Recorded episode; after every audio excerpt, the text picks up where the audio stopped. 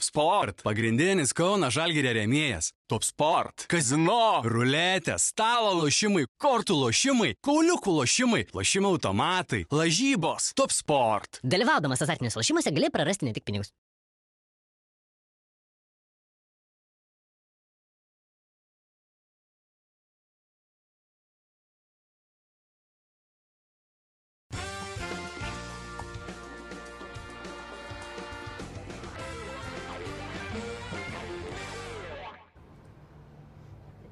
Sveiki, futbolo bičiuliai, su jumis laida Įvartis, kaip ir kiekvieną savaitgalį, kaip ir kiekvieną penktadienį. E, startuojam ir kalbėsim apie futbolą, jo e, vyko ir dar vyks tikrai daug ir pradėsim galbūt ne nuo to, kas vyko, o pradėsim nuo to, kas įvyks šį savaitgalį. Bus pakelta ta Lietuvos futbolo uždanga, taip vadinamoji, Lietuvos futbolo federacijos super taurė, kurioje susitiks du žalgiriai, Vilnių žalgiris prieš Kauno žalgirį ir taip jau buvo net ir pakrikštyta tokių žalgirių dvikova. Tai Žydrūnas Gruzinskas, Taudė Arvydas Encevičius, Ernas Vitkauskas, kaip visą laiką kartu su jumis, tai vyrai ir pradėkime nuo šio mačo.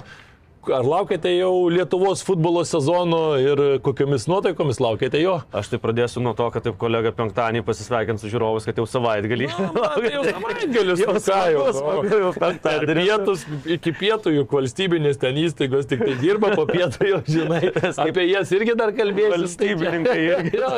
tai galim sauliaisti. Taip, iš tikrųjų toks laukimo, laukimo nuotaika yra, nes, na, jau kalbėjom apie tai, kad, na, super taurė yra tas toks pirmas, pirmas rungtynės, pirmas susitikimas ir dažniausiai dažniausiai vyksta po stogu, kas Lietuvoje tai nėra dažnas atvejis arba labai retas atvejis. Tai tikrai visi to įsilgsta ir jau atvažiuoja vien prie sportimus ir matai, kiek automobilių stovi, tai galvoju, kas čia vyksta. Anksčiau tik tai būdavo per Kirkorovo koncertus, kai šalia to arenoje vykdavo. Tai paroda. yra kur pastatyti.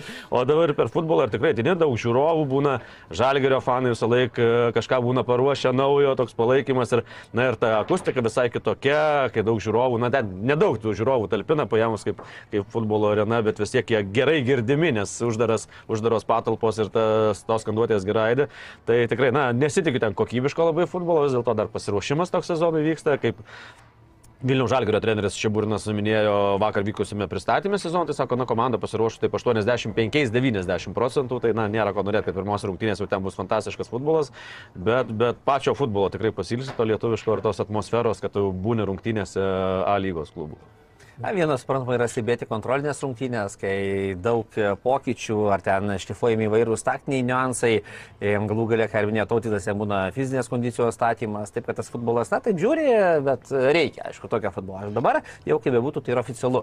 Būtent tas, mano manimu, yra labai svarbu ir tai yra taurė, kur Žalgiris porą sezonų, na, porą tų super taurių negalėjo laimėti, po 11 m ūgnių serijos pralaiminėdavo. Taip kad čia, kaip bebūtų, tai yra trofėjas, jis yra svarbus abiem komandam ir manau, kad tikrai matysime pačią nuožmiausią kovą, kokia gali būti ir ta galėsime galbūt įvertinti tą patį pasiruošimo startą abiejų komandų, ne kokiose pozicijose yra artėjant čempionatai tiek Vilnių Žalgiris, tiek Kauno Žalgiris, tada matysime, na, tą, kaip minėjau, ir atskirų galbūt žaidėjų, ir apskritai bendros komandos vaizdą, ko galima laukti toliau, kalbant apie geresnę pusę. Ir turbūt apskritai kalbant apie šias dvi komandas, tai kas išryškėjo gal ir jau šiam sezonui besiruošiant, kad, na, Vilnių Žalgeris jau ir pernai turbūt pradėjo tą tokį modelį, kad gerokai anksčiau rinkti žaidėjus, aišku, tu, kai turi daugiau finansų, tai tas tau leidžia.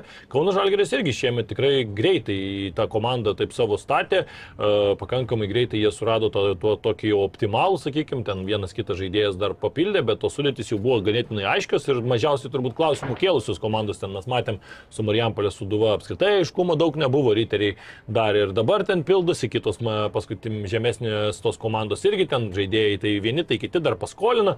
Žalgeriai tiek Vilnius, tiek ir Kauno buvo tos komandos, kurios taip sakyčiau, kad gražiausiai ir atrodytų taip logiškiausiai komplektavosi. Ir žiūrint į tas sudėtis, tikrai atrodo, kad na, komandos abi yra pakankamai įdomios. Kauno Žalgiriui tai aišku reikia paminėti, kad tai galimybė apskritai pirmą kartą laimėti kažkokį tai trofėjų, kalbant apie tą futbolo sekciją.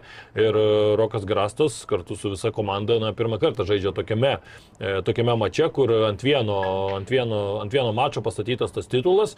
Uh, Vilniaus Žalgiris, kaip vat, teisingai ir paminėjo Židrūnas, porą paskutinių metų nelaimėjo, iš paskutinių keturių tokių super taurių, tai laimėjo tik tai vieną kartą 2020-aisiais, paskutinius du kartus pralaimėta buvo po baudinių ir Žalgiris turbūt, kad turi problemų su tuo, kad nemažai žaidėjų yra traumuotų. Nežaidė paskutinėjame mače Gertmanas, Mikoliūnas, Miličkovičius, Bufas, Ojavusi, Verbickas taip pat kiek teko girdėti ir klausti klubo atstovų irgi yra e, traumą gavęs per šią paskutinę savaitę Kauno Žalgeris, tokių problemų turi mažiau, Marko Peičius ir Michaelas Anaba tikrai nežais futbolininkai, jie jų net abiejų nėra Lietuvoje, tai buvo informuotas klubo atstovų ir taip pat naujokai e, Suva ir Martina yra dar tokie, kurie dar tik atsigaudinėja po traumų, jiems dar yra na, tokių klaustukų, ar jie galės žaisti ir kiek galės žaisti, tai matom, kad abi komandos turi šiokių tokių problemų, bet iš esmės, na, Žalgeris galbūt turės to pliusą, kad nemažai nemaža dalis žaidėjų yra išlikusių ir tas brandolys yra visgi išlikęs Žalgerio komandoje. Na, tas yra pliusas ir dar Žalgeris e,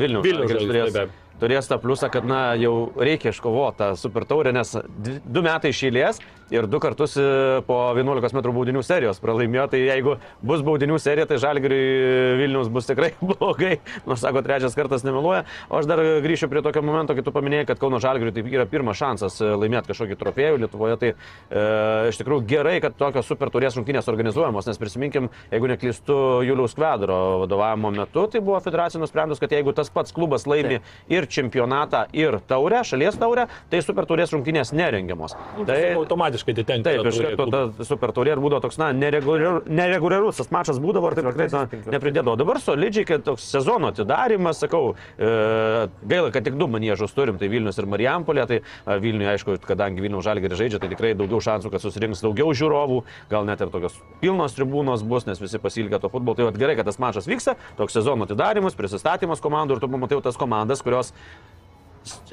galim sakyti, stipriausios ir favoritės vėl kažką laimėti, nes čempionas žaidžia ir arba taurės laimėtos, arba šiuo atveju kaip antrą vietą užėmęs klubas kaip Kauno Žalgeris. Tai va tokios rungtynės tikrai reikalingos, nors tą federaciją mes kritikuom pastovi, bet kartais reikia pastebėti ir gerus dalykus, pasirodo, būna ir gerų dalykų futbole. Tai va, super taurės tas tesinumas tikrai yra gerai. Taip ir dar plus, kad vis tiek tie mačai tokie būna ir su šau programa, tai būna na, tam tikras tikrai toksai atidarimas gražus to, to futbolo sezono. Žiūrėsim, kaip, kaip vyks šiemet. Kalbant apie Vilnių žalgerį, ką dar galbūt galėtum išskirti, Grūnai teko nemažai dalyvauti, kokie galbūt žaidėjai gali tapti tokiais savotiškais, na, naujais lyderiais, ko galima tikėtis iš, na, tų pačių naujokų, ar ne, Gnidas, Vučiūra, tas pats labai daugam turbūt įdomus yra iš Bolivijos žaidėjas Leonardo Vaka, tas pats Vilgelmsonas iš Islandijos neseniai tik tai prisijungė komandos, kas galbūt iš jų gali jau duoti iš karto indėlį, nes na, dažnai mes žinome, kad tiem žaidėjim, kurie atvyksta, dar reikia, reikia dar laiko adaptuotis. E, taip, galbūt vis tik labiau žalgerį norėčiau matyti ir labiau galbūt na, tos akcentus dėlėtų dėl gynybos, ko galbūt Lietuvoje ne visada reikia, tačiau Europoje laukėme, kad na, susidurs žalgris tomis problemomis ir jų tikrai būdavo, gal kitose zonose, ką minėjome, saugu ar polimo zonoje ten ar buvo, kam ką pakeisti. Dabar, kaip matėme sezono, na, prieš sezonį, o dabar prieš šitas supertaurės sunkinės, dar prieš Turkiją na, nebuvo. Ne vieno vidurio gynėjo, na, Kipras Kažukolovas, kuris iš anksčiau, na, su kažkieno, aišku, ir sunkiau, ir manau, bus sunku ir dabar konkuruoti dėl vietos startinėje sudėtyje. Štai ta pozicija kiek neramino. Tačiau vėliau įsigijus e, jau iš užsienio atvykusius futbolininkus ir matant jų kokybę e, treniruotėse, na tikrai reikia galbūt ir suprasti, kad e, jau ta pozicija bent jau Lietuvos mastelį tikrai uždaryta, o Europoje, aišku, kaip priminėjai, būtent tie tapciniai periodai. Kiek pakels tą žaidimo kartelę į viršų, kiek gebės futbolininkai prisitaikyti ir kuo greičiau tą padarys. Na, manau, kad tikrai bent jau ta gynybinė pusė, ta linija bus sutvarkyta.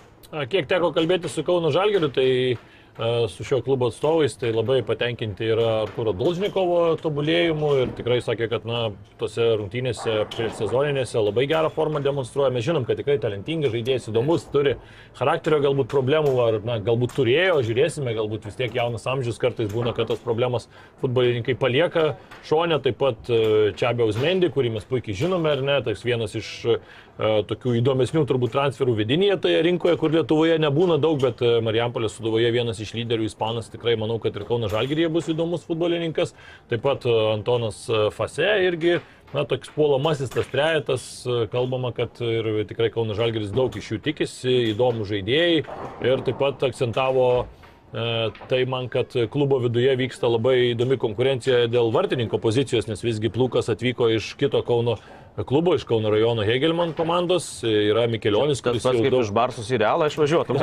Panašiai, taip. Ir Mikelionis jau daug metų, žinome, yra tas pagrindinis vartininkas Kauno Žalgiryje. rungtynių, jeigu neklystu, sužaidęs už Kauno Žalgirį. Taip, taip, tai toks savotiškas jau na, klu- klubo simbolis ir, na, kiek teko girdėti, kad konkurencija tikrai nuožmi, bet tas, tas dažniausiai, jeigu jinai yra sveika, tai tik tai padeda klubui judėti į priekį. Tai gal tiek apie tas rungtynes, Dar apie Vilniaus tikėtis. Taip, va, Vilniaus žalgeris tai irgi, ką tu kalbi, konkurencija Kauno žalgerį yra tam tikrose pozicijose. O Vilniaus žalgerį konkurencija didžiulė ir čia Burnas pasakė, kad sako, na, jau dabar turim e, realiai po du, po du Net žmonės į tris, vieną kai kur. poziciją, o kai kuriuose pozicijose net tris turim į vieną, į vieną vietą ir tikrai žalgeriečiai. Taip, ir dar liktai kalba apie naujokus. kad Ir dar du naujokai, kurie va dabar vakar patvirtino oficialiai, kad dar du naujokai vedamos darybos, su jais sprendžiami tam tikri atvykimo klausimai ir taip toliau. Tai čia galima suprasti, gal kad ne iš ES šalių bus tie futbolininkai, gal kas neatskleidė, net trenerio perklausė, užsakau, tai gal sakau, vadovė nepasakė, kas tokias, gal pozicijas pasakysit, bet jis taip įsisuko, kad sako, na,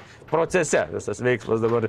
Tai sako, tai tikrai tai va, jau žaidėjom nuo šiandien reikia įrodinėti, tiksliau nuo sekmanio ir treniruotės, aišku, reikia įrodinėti nuo šiandien, kad jis gali žaisti, kad jis gali užimti pagrindinio žaidėjo vaidmenį, nes tikrai pasižiūri, suolas ilgas, suolas ilgas žalgerio tikrai surinktas kaip ir pernai buvo, nes treneris akcentavo čia burnas, kad sako, na vėlgi mes nu, kitų tikslų negali būti žalgeriui tik laimėti tiek super taurę, tiek taurę, tiek čempionatą. Tai žalgeris susidurdavo anksčiau su tom problemom, kad tas suolas neilgas būdavo ir jeigu Europoje toliau eina, jau sunku sugrįžti į Lietuvos čempionatą ar kovoti lygiai. Tai matom, kad antras sezonas iš eilės tikrai tas suolas tikrai ilgas. O konkurencija ką? Konkurencija priverčia tave tobulėti ir eiti žingsniais į priekį, nes jeigu tau už nugaros stovi, tai vienas ar Alsuoja į nugarą. Taip, alsuoja visiškai į nugarą, tai tu nori žaisti pagrindė. Aš atsimenu Davido Šembero žodžius, kai e, Maskvos SK tada buvo tas, ko gero, pirmas e, ruskių klubas, kuris pra- pra- pradėjo nedaryti karantinų. Nes ten kaip karantinai būdavo po 2-3 paras, nes ten jie įduoda ruskis per gerklę, tai po to dienas. Su, nu, Listos Uralanas paskutiniam turui vos surinko 11 žaidėjų, kai davė porą laisvų treneris. Nes jis ne, ne, ne, ne, ne, pradėjo nedaryti karantinų, nes pradėjo na, profesionaliai žiūrėti futbolininkai ir klubas į tai ir sako, šiandien sako, kai tau už nugaros penki lygiai verčiai stovi, ar tu kažką darysi, ar tu nukrypsi nuo režimo, kai tu prarasi vietą, tu ateisi, na, Prarasti ir kondicijos. finansus prarasi. Ir viskas. Ir tu prarasi viską, dėl ko tu treniruojasi, dėl ko stengiasi. Tai vad, Vilnių žalgerį tokia situacija irgi yra, kad ta konkurencija yra na, didelė ir, ir matom, kad dar jeigu apie Vilnių žalgerį šiek tiek va, pristatymas buvo, tai iš tikrųjų na, jau patvirtinta, kad jūs buvo tikrai pasiūlymai ir kiek aš girdėjau, tai buvo pusė milijono. O toks jau konkretus pasiūlymas. Už- aš dar ar jūs- net yra kalbų, kad galėjo būti ir jau netoli milijono, kad dar ten kilo tie pasiūlymai ir kad galėjo būti net daugiau nei 5 ar 600 tūkstančių. Taip, kiek, kiek, kiek girdėjau, tai pusė milijono buvo konkretus pasiūlymas, o ten po Ant to... stalo padėti jau, lagaminė. Grinais.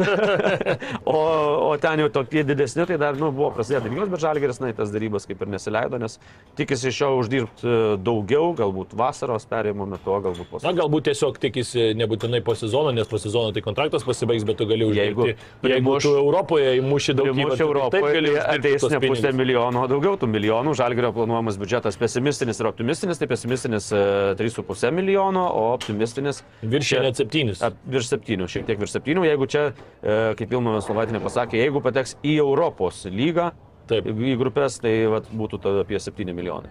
Taip, aišku, problemų yra su Edvino Gertmano, kiek teko girdėti sveikata ir šiek tiek domėjausi to klausimu, tai lyg tai kitą savaitę daugiau bus aiškumo, gali būti, kad ir ilgiau gali iškristi vartininkas iš rykiuotės, tai na, būtų aišku labai prastos žinios, visgi žinom, kad ir trys žaidėjai lietuviai turi žaisti lygoje, ar ne, ir e, tuo pačiu aišku ir dėl žaidėjo labiausiai gaila, turbūt ne tiek dėl, dėl komandos, komandai tai Duka yra tikrai geras vartų sargas ir, ir turbūt, kad ten problemų nelabai būtų, bet, e, bet pačio žaidėjo tai būtų tikrai gaila, nes na, mes čia jau diskutavom, ar reikėjo išvažiuoti, ar kažkur tai pabandyti laimės vietur. Ir dabar jeigu tas na, viena kita tokia trauma nelaiminga iškris ilgesniam laikui ir paskui gali irgi nebūtinai ir sugrįžti į tą taip greitai į tą sportinę formą, tai gali būti irgi problemų. Gali būt, na kas įdėmiai stebės Žalgerio treniruotės, tai sakė Gertmanas tikrai, na, gal ne visa galva, bet pusė galvos tikrai yra geresnis už Duką. Duka toks, na, buvęs vartininkų treneris Žalgerio pasakė, toks, na, sako, toks antras vartininkas, tikras antras vartininkas, kuris, na, ten... Nepiktybinis, Jo, nepiktybinis, kad tarp vartininkų irgi turi būti gera chemija, nes, na, tau sėdėti ant suolo, čia ne nepulės, nesaugas, kad tu žinai, kad, na, tu gausi 10, 12, 20 minučių, jeigu nepatinki į pagrindą vartininkas, jei nepatinki į pagrindą, tu ir gali ir prasidėti visą sezoną. sėkmingai žaidžia tavo. Taip, taip, tau nieko ne, ne, nekeis.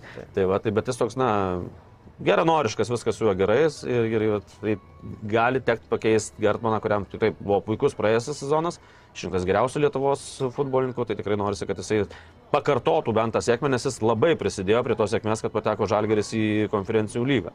Tai tikimės ko geriausio, kad kuo, kuo, kuo mažiau tokie futbolininkai iškristų, nes matom, na, kiek jau turėjom spalvis, e, gratas ir gėdas ir taip toliau, kur, na, atrodo kylančios žvaigždės mūsų, bet būtent traumos sustabdo. Na tai pabaigai vyrai paspėliokim, ko- koks rezultatas, e, tuo pačiu a, informuosim ir mūsų žiūrovus, kad a, vyksta konkursas, galit laimėti štai tokį džemperį su vyčiu, reikia tik tai atspėti rezultatą, bet reikia parašyti jau tiksliai, jeigu galvojat, kad bus baudiniai, tai rašykit, kad bus baudiniai, jeigu kažkas laimės po pratesimo, tai irgi, tai vad dabar vyrai ir mes tiksliai paspėliokim, nu, įsitraunai. Kokio dydžio džemperiukas?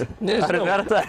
Elas, man atrodo, žinok, Tai Elas. nei vienam netik. Ne, normaliai, žinok. Spėk, spėk, pakeisim. Ne, ne. Taigi pakeisim paskui, nu, tai bet... Na, manau, Ne, kad- žiūrovom, tai tiks, pažiūrėk, Elas čia toks normaliai, jau žiūrovom, tai tik gal jam. Žalgiris. Kauno Žalgiris. Jam 2-1. neduosim. Girdėri? Žalgiris. Kauno Žalgiris 2-1. Ką man mano rezultatą paėmė? Ar tai? Aš 2-0 Vilnių Žalgeris laimės per 90 minučių. Per 90. O realiai tai bus po baudinių serijos. 2-1. Žalgeris laimės. Žodžiu, Net nesakau, kuris. Tautidas pasakė tą savo spėjimą, bet jūs remkitės antruoju, nes panašu, kad arčiau tiesos. Aš galvojau irgi 2-1 sakyti, tai dabar 1-0 nelabai noriu, nes norisi įvarčių, tai tikrai sakyti. Ne, ar džemperiuko nori? Ne, ne, tai aš nedalyvauju, reikia YouTube rašyti, aš nerašysiu. Ten 3-2 aš spėju, kad e, laimės e, tada Vilniaus Žalgeris. O, irgi per...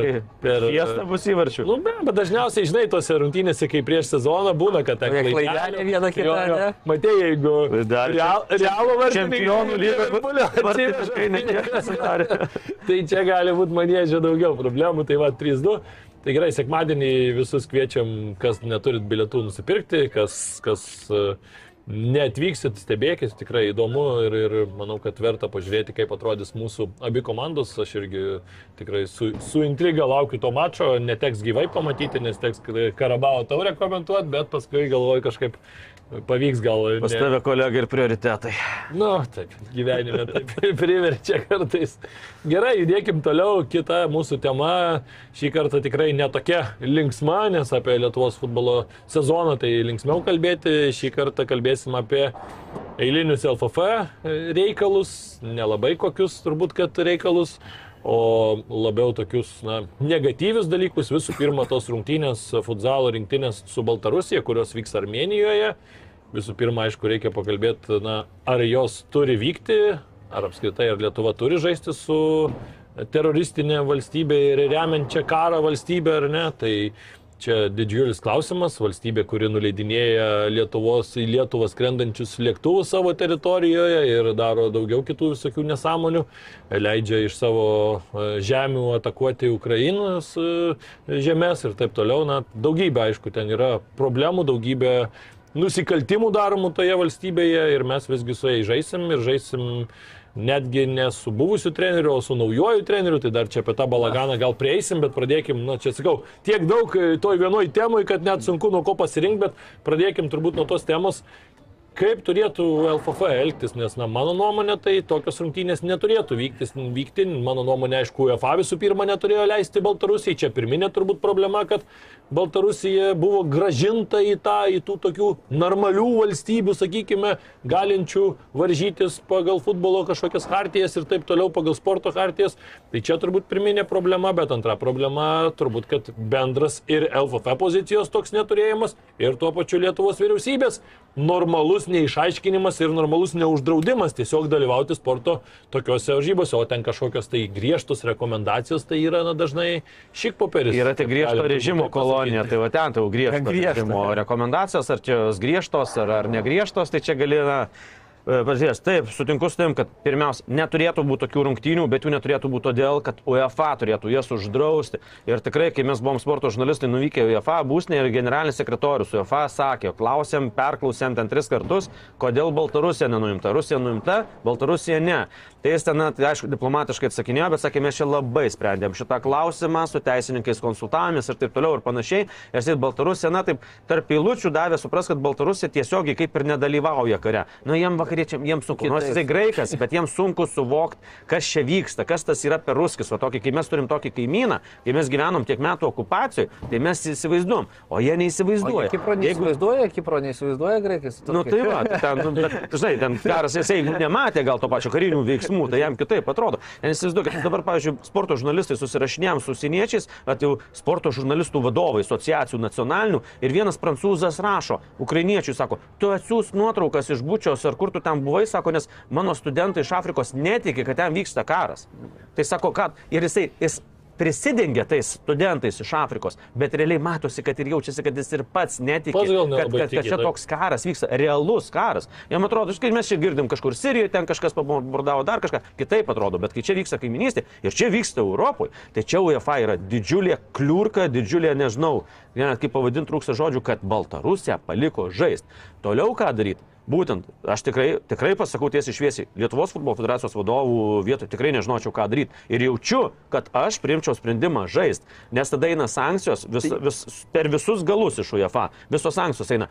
Ir tavo paleista vyriausybė. Va čia va, didžiausia yra, nu, kadangi ministrė, norėjau sakyti, be kiaušiai, tai ministrė, atleiskit, nes, nesirinksiu žodžių, nes priimk vyriausybę. Metai, lygiai metai vyksta karas. Ir per tuos metus tu nepriimi sprendimų. Tuo labiau, kad Ir mes jinai- žinom, kad 24-ais irgi bus rungtynės su Baltarusija. Nacionalinės rinktinės. nacionalinės O jeigu. Vilnių Žalgiriui ar kitam klubui Lietuvos kažkur išpultų su Baltarusijais žais, ką daryti? Nusimti ir viską palaidoti Europos sezoną? Bet tada vėlgi, dar tokį pasižymėjau, pa- pasiryškinau savo sakinuką, kol kas nėra žinoma atveju, kad valstybė savo įstatymais uždraustų nevyriausybinėms organizacijoms dalyvauti varžybose. Ta prasme, nėra to precedento. Ar gali mūsų Lietuvos, pavyzdžiui, vyriausybė pirmą žengti žingsnį ir uždrausti tom, na, nevyriau... liepti, ne, griežtai, kad negali. Ar tas įmanoma? Bet Latvijoje, man atrodo, yra. Ar pagal... aš neklystu, Nes UEFA kaip ir šone, Įstatymą. vyriausybė žiūri Tai vad, vėlgi, nesusikalbėjom su ministerijos. Klausė žurnalistai, ministrė sako, Latvija ir Estija priemsus. Ne, Estijoje tokio nėra įstatymo, o Latvijoje nutylima. Ir vėl, vat, Jo, jo. Estijoje nėra, nes yra dar nespėjo, nes, man atrodo, Estai irgi yra palengvintų ir LFF sprendimą. Tada. Kitas dalykas, kitas dalykas, ne taip, įstatymai tam ir kuriami, kad juos apeit arba pakeist. Tai keisk įstatymą, metus Papildyti. turėjai. Ir dabar viską šauna į futbolas, nes, na, kritikuojama futbolas ir tenisas. Ką teniso, teniso Lietuvos teniso asociacijai, ką daryti? Sąjungos. asociacijai tai ten daro atskiras iš viso. Europoje registruojama į tą turnyrą, Taip. ruskis turintis vizą Šengeno, užsiregistravus atvažiavo. Tai tu priimk įstatymus, kodėl mes tuos ruskus turim čia Tai įsileidinėti. būtent tu turi priimti įstatymą, kad ir nepraleistų pro sieną. Ačiū, Teniso pasaulis tai jis nieko negali O mes dabar prisileidžiam Wimbledonas neįsileido, ar ne? Rusų, rusų, Nuėmė tai ką matėm, nuėmė taškus. Čia yra vos ne pirmas, ten antras didysis turnyras Lietuvoje. Tu ten pradėsi daryti savo sąlygas. ATP vienas iš pagrindinių rėmėjų ten didžiąją dalį tų pinigų duoda. Ir tu iškart pradėsi nustatinėti savo sąlygas kaip turnyro rengėjas, kurių nedaro net kiti visam pasauliu. Tai faktas, kad tu tada nukentėsi labai smarkiai iš teniso ir čia valstybė turi priimti. Tai aš tai visiškai sutinku, kad visų pirma turėjo valstybė, bet iš LFF požiūrio žiūrint, aš sutinku, kad tikrai su tavimi, kad sunki ta tema, bet vėl, na, Bet kodėl mes dažnai pasirinkam tą tokį lengvesnį variantą, tai gal bandykim būti tie vizionieriai ir bandykim gal proti, nes aš nemanau, kad jeigu Lietuvos futbolo federacija nuspręstų, UEFA tokioj dabartiniai situacijoje, įvykstant karui, vykstant akivaizdžiam tokiam, sakytų, mesgi visgi bauskim lietuvius. Aš manau, kad tuomet ir prasidėtų kažkoks tai judesys, bet- išsisuktų Erinai, kažkoks tas žinai, kad klausimas, sulauktum palaikymo. Latvija, Estija, Lenkija. Va, man klausimas, kokia ta bausmė? Finansinė, sportiniais klausimai, suspendavimai kažkokie, kokie bus. Bet, bet, žiūrėk, bet nėra. Gal nes neleis ten čempionato Kokio, surengti, gal, kokio. gal dabar. Tai gerai, tai finansinė išraiška prašome. Žinai, kai Tai skaičiukas. taip, Koks nuostolis būtų patirtas, jeigu tu nutari nežaisti? Kategoriškai nepasakai viskas. Kokia ta bausmė? Taip. Nebus, kad uh, subsidijuos visus klubus uždaro rinktinės, neleidžia nuo jaunimo iki vyrų, moterų taip pat uždaro. Nu ne. Tai reikia sužinoti bent pasiekmes, kas tavęs laukia ir tada ar verta tą žingsnį žengti ar ne. lengva pasakyti, Ir- ir daug bausmių, bet Taip, daug- taip. Komunikuoti reikia. Apie ką šneka? federacijos trūksta. Po to, tik tai kai pradėjo Stankievičiaus klausinėti, jis tik po to pasakė, kad kreipėmės į UEFA su ta rekomendacija iš ministerijos, Taip, taip. o iš ministerijos prašym rašto oficialaus, kad draudžiama lietuviams žaisti. Ko ministerija nesugebėjo parašyti, kad draudžiama. Parašyk ministerijai, priimk tenais, suras tarp eilučių, kad užtenka ministerijos įsakymo, kad nežais. O dabar ministerija jau po visko, kaip pasakė, kad žais, tada jau grasina, kad oi žiūrėsim finansavimus, gal finansavimą nuimsim. Lietuvos futbolo federacija tas finansavimas sudaro va tokią dalį. Tai, ką aš ne, tai, Finansavimą. į čia nežiūriu, bet man iš UEFA, man būtų labai įdomu sužinoti, kokios bausmės būtų, ne, jeigu štai taip nutinka. Na, atsisakom žaisti, Nu, gal tuos kažkokios ten 30 pozicijos. tūkstančių šveicarijos frankų. Nu, ir Jo, jo, nu, Nu tai ir ką? dzin. Surinksim. Nu.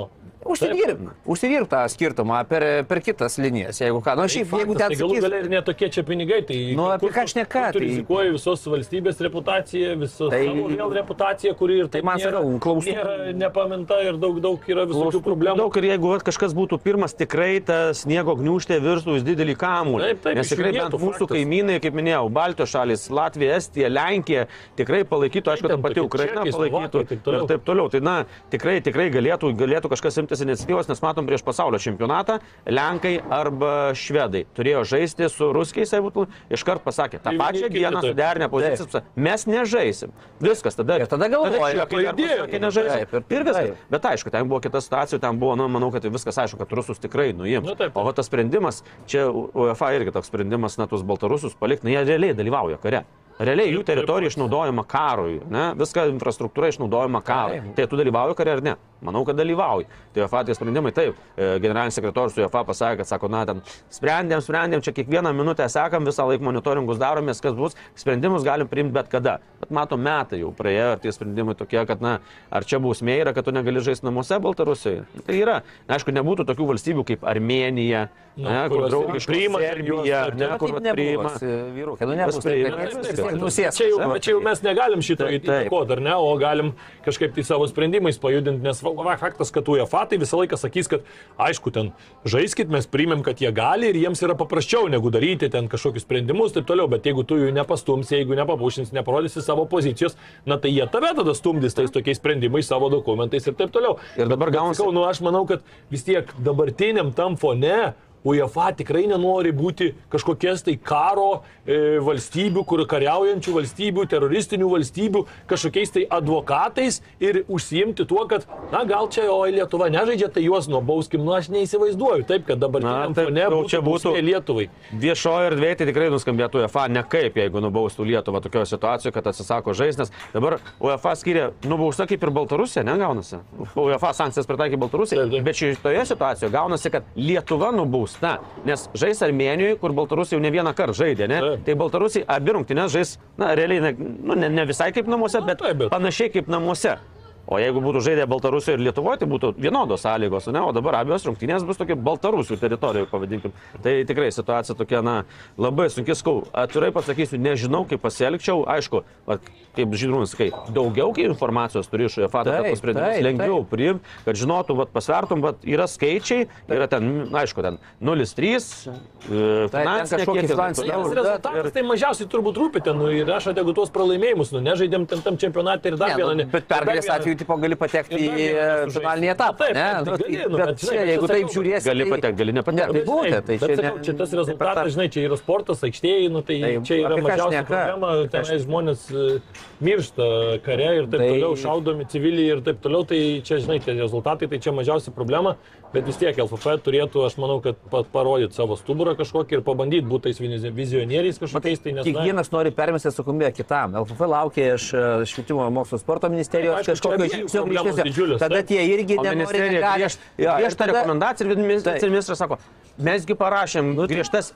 rekomendacijas ir jų privaloma laikytis. Kas tai yra rekomendacija? Aš dabar tau rekomenduoju išėti iš studijos. Jo, jo. Jo, jo. Bet jei aš turėčiau Gerai. va, valdžią savo rankose, Jeigu įsakyčiau- eisi alaus atneši, įsakyčiau- Jeigu įsakyčiau aš tau, tai tu turėtum išėti iš studijos, aš turiu svertus ir valdžią rankose. O čia Vyresnis aš klausyčiau, aišku. Šiandien vyko Lietuvos tautinio olimpinio komiteto generalinė asamblėja. Ir vienos federacijos vadovas Istor uždavė labai gerą klausimą ir iš tikrųjų diskusijos verda. Sako, mes dabar irgi atsisakom, sunkiosios atletikos federacijos prezidentas, sako, mes irgi dabar atsisakom dalyvauti varžybose, kuriuose dalyvaus Rusija arba Belarusai. Mes nerenkam reitingo taškų. Nerenkam reitingo taškų, mes nepateksim į olimpinės žaidynės. Tai sako, ką mums dabar daryti? Realiai mes nebaudžiam, ne, kaž, ne kažką, nu, o patys save nubaudžia. Tai Gudzinevičiūtė irgi, kaip bebūtų, jinai gerai pasakė, sako, jeigu mes nevažiuosim į olimpinės žaidynės, tai sako, tada ką, sako, na, rusai ir belarusai turės daugiau šansų po tą neutralią vėliavą laimėti medalius, nebus konkurencijos. Bet ten jau eina kitas klausimas, kad ten apie 30-40 valstybių jau jungiasi ir, na, aš manau, kad jeigu 40 valstybių susijungs ir pasakys, kad mes nevažiuosim į olimpinės žaidynės, jas boikotuosim, tada Bachas ne, ne, su savo nesąmoningais pasisakymais neturės kur dingti, o tikrai, Taip, taip. kad, kad neleis rusams startuoti. Ir va tokia situacija atsiranda, kad Lietuvos sportininkai, na, gali likti be olimpinių žaidynių ir taip nubausim tik patys save. Nes, Kad reikia, va, tai LFF turbūt kalbėti su Latvijos federacija, su Estijos, pradėti su artimiausiais ir kooperuotis, daryti bendrus sprendimus.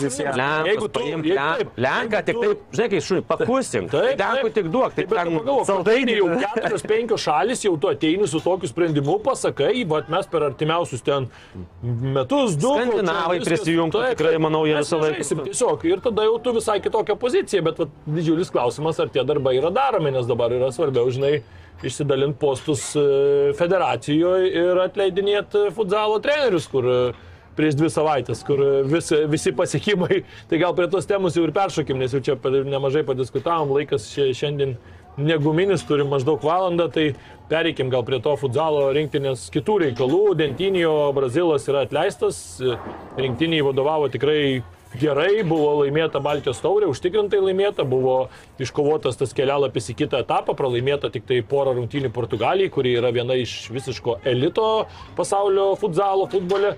Na ir dabar mes matome, kad Brazilas yra atleidžiamas, Miko Martičius, ar ne, praperims kruatas. Viskas kaip ir gerai, specialistas žinomas, nėra, kad iš kažką ten iš tauragės ištraukė.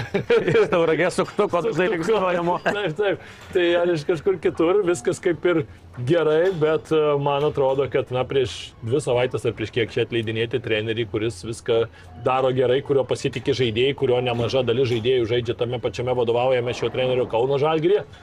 Tai na, mažų mažiausiai keistas sprendimas, aš gal net beprotybę pavadinčiau.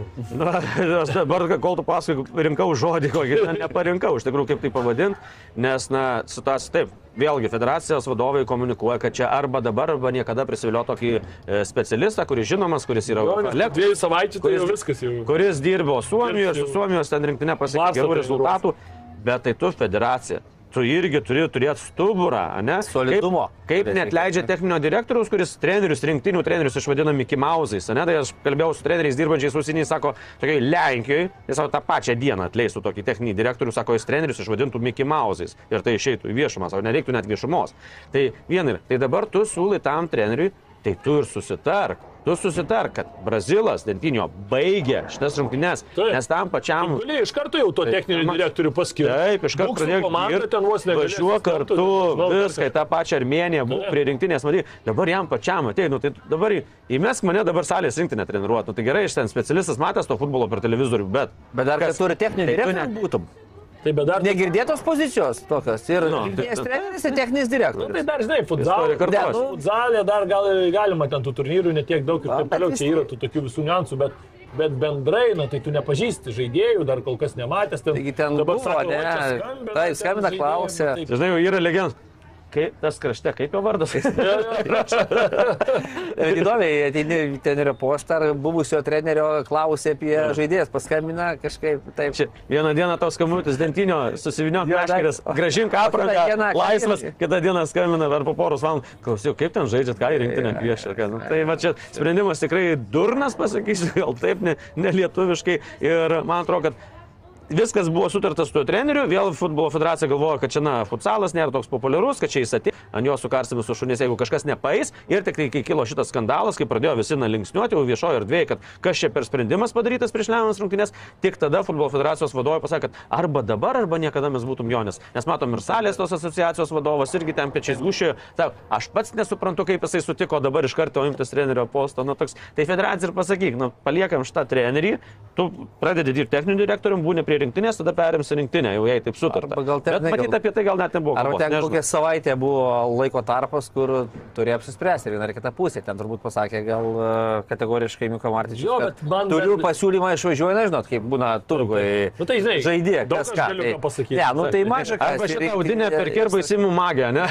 Taip, ir tada, na, ką, ir pirko. Jeigu šiandien Aišku, tai su Suomija, tai. Suomijoje savo darbą įrodė, ne, puikus strate, strategas, bet, nu, puikus specialistas. Apie Reinholdą Brų irgi girdėjom, kad ten Liuksemburgė padarė to kalnus komandą. Jo, jo, Ja, nu, pasirodo, kad, pasirodo, kad ne viskas, kas yra sakoma, yra tiesa, o ir, ir pa- parodė savo darbu, kad čia nelabai kažką, kad atsisakė Müncheno Bayerno kvietimo atvyko į Lietuvą. Ne, nu, Tai dar- Čia viskas, viskas būtų gerai, tik tai, vat, na, ar tokiu metu keista. laikas. Taip. Taip, būtent ir tuo labiau, kad na, Tik, viskas. kad rezultatai būtų blogi. Taip, Bet, žinai, būtų, kad Pasirodymai yra sėkmingi, viskas yra gerai ir tu keiti ir dar akivaizdžiai matėsi, kad na, ta vėl komunikacija, kokia vyksta komunikacija. Bandymas nuslėpti, čia gal nu, nepamatys, čiagi ne pagrindinė rinktinė, tai gal čia taip kažkur kažkas praleis. Nu tai vėl tie visi tokie dalykai, nu jie nepošia tos LFF, vėl tu kalbė apie čia kažkokius tai skaidrumus, dabar ten išėjo, ten nežinau, ten tų 20 ar kiek ten tų punktų ten išleido Lietuvos pozi- pozityvo punktai, nežinau kaip čia juos pavadinti ten ir geriausiai ten e,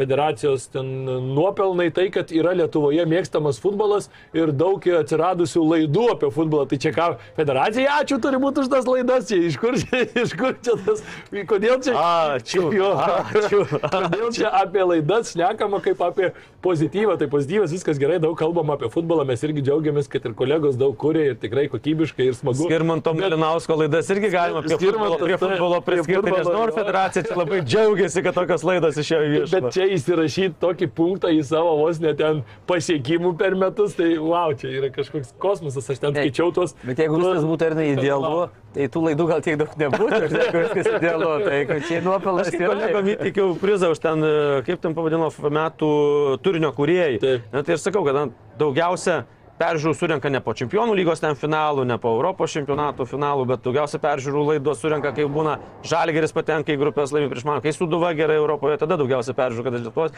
bet aš tik tai... Kai e, Švinius, Po to pažiūrėjau, dar arba bankų Paskui skaičius pažiūrėjau vis dėlto, kad daugiausia surenka žiūrovų tada, kai būna skandalai LFF. Tai čia jau ne, nenuneš jokių žalgerio pergalių. Jo, bankų šį kartą neatsinešėme, bet Tai, e, tai sakė, galim dabar vieną prizą. Vieną prizą, dar tai galim, kad Vieną laidoje bus kas, kas taps LFF prezidentu. Atspėkit aš šį klausimą, kas taps LFF prezidentu ir laimėkit. Jo, prizą. Bankucheną. Bankucheną. Iškepsim Gerai, patys. dar skelbiam naują konkursą. Taip, atspėkit, kas taps Lietuvos futbolo federacijos prezidentu. Rinkimai kada ten kovo 10.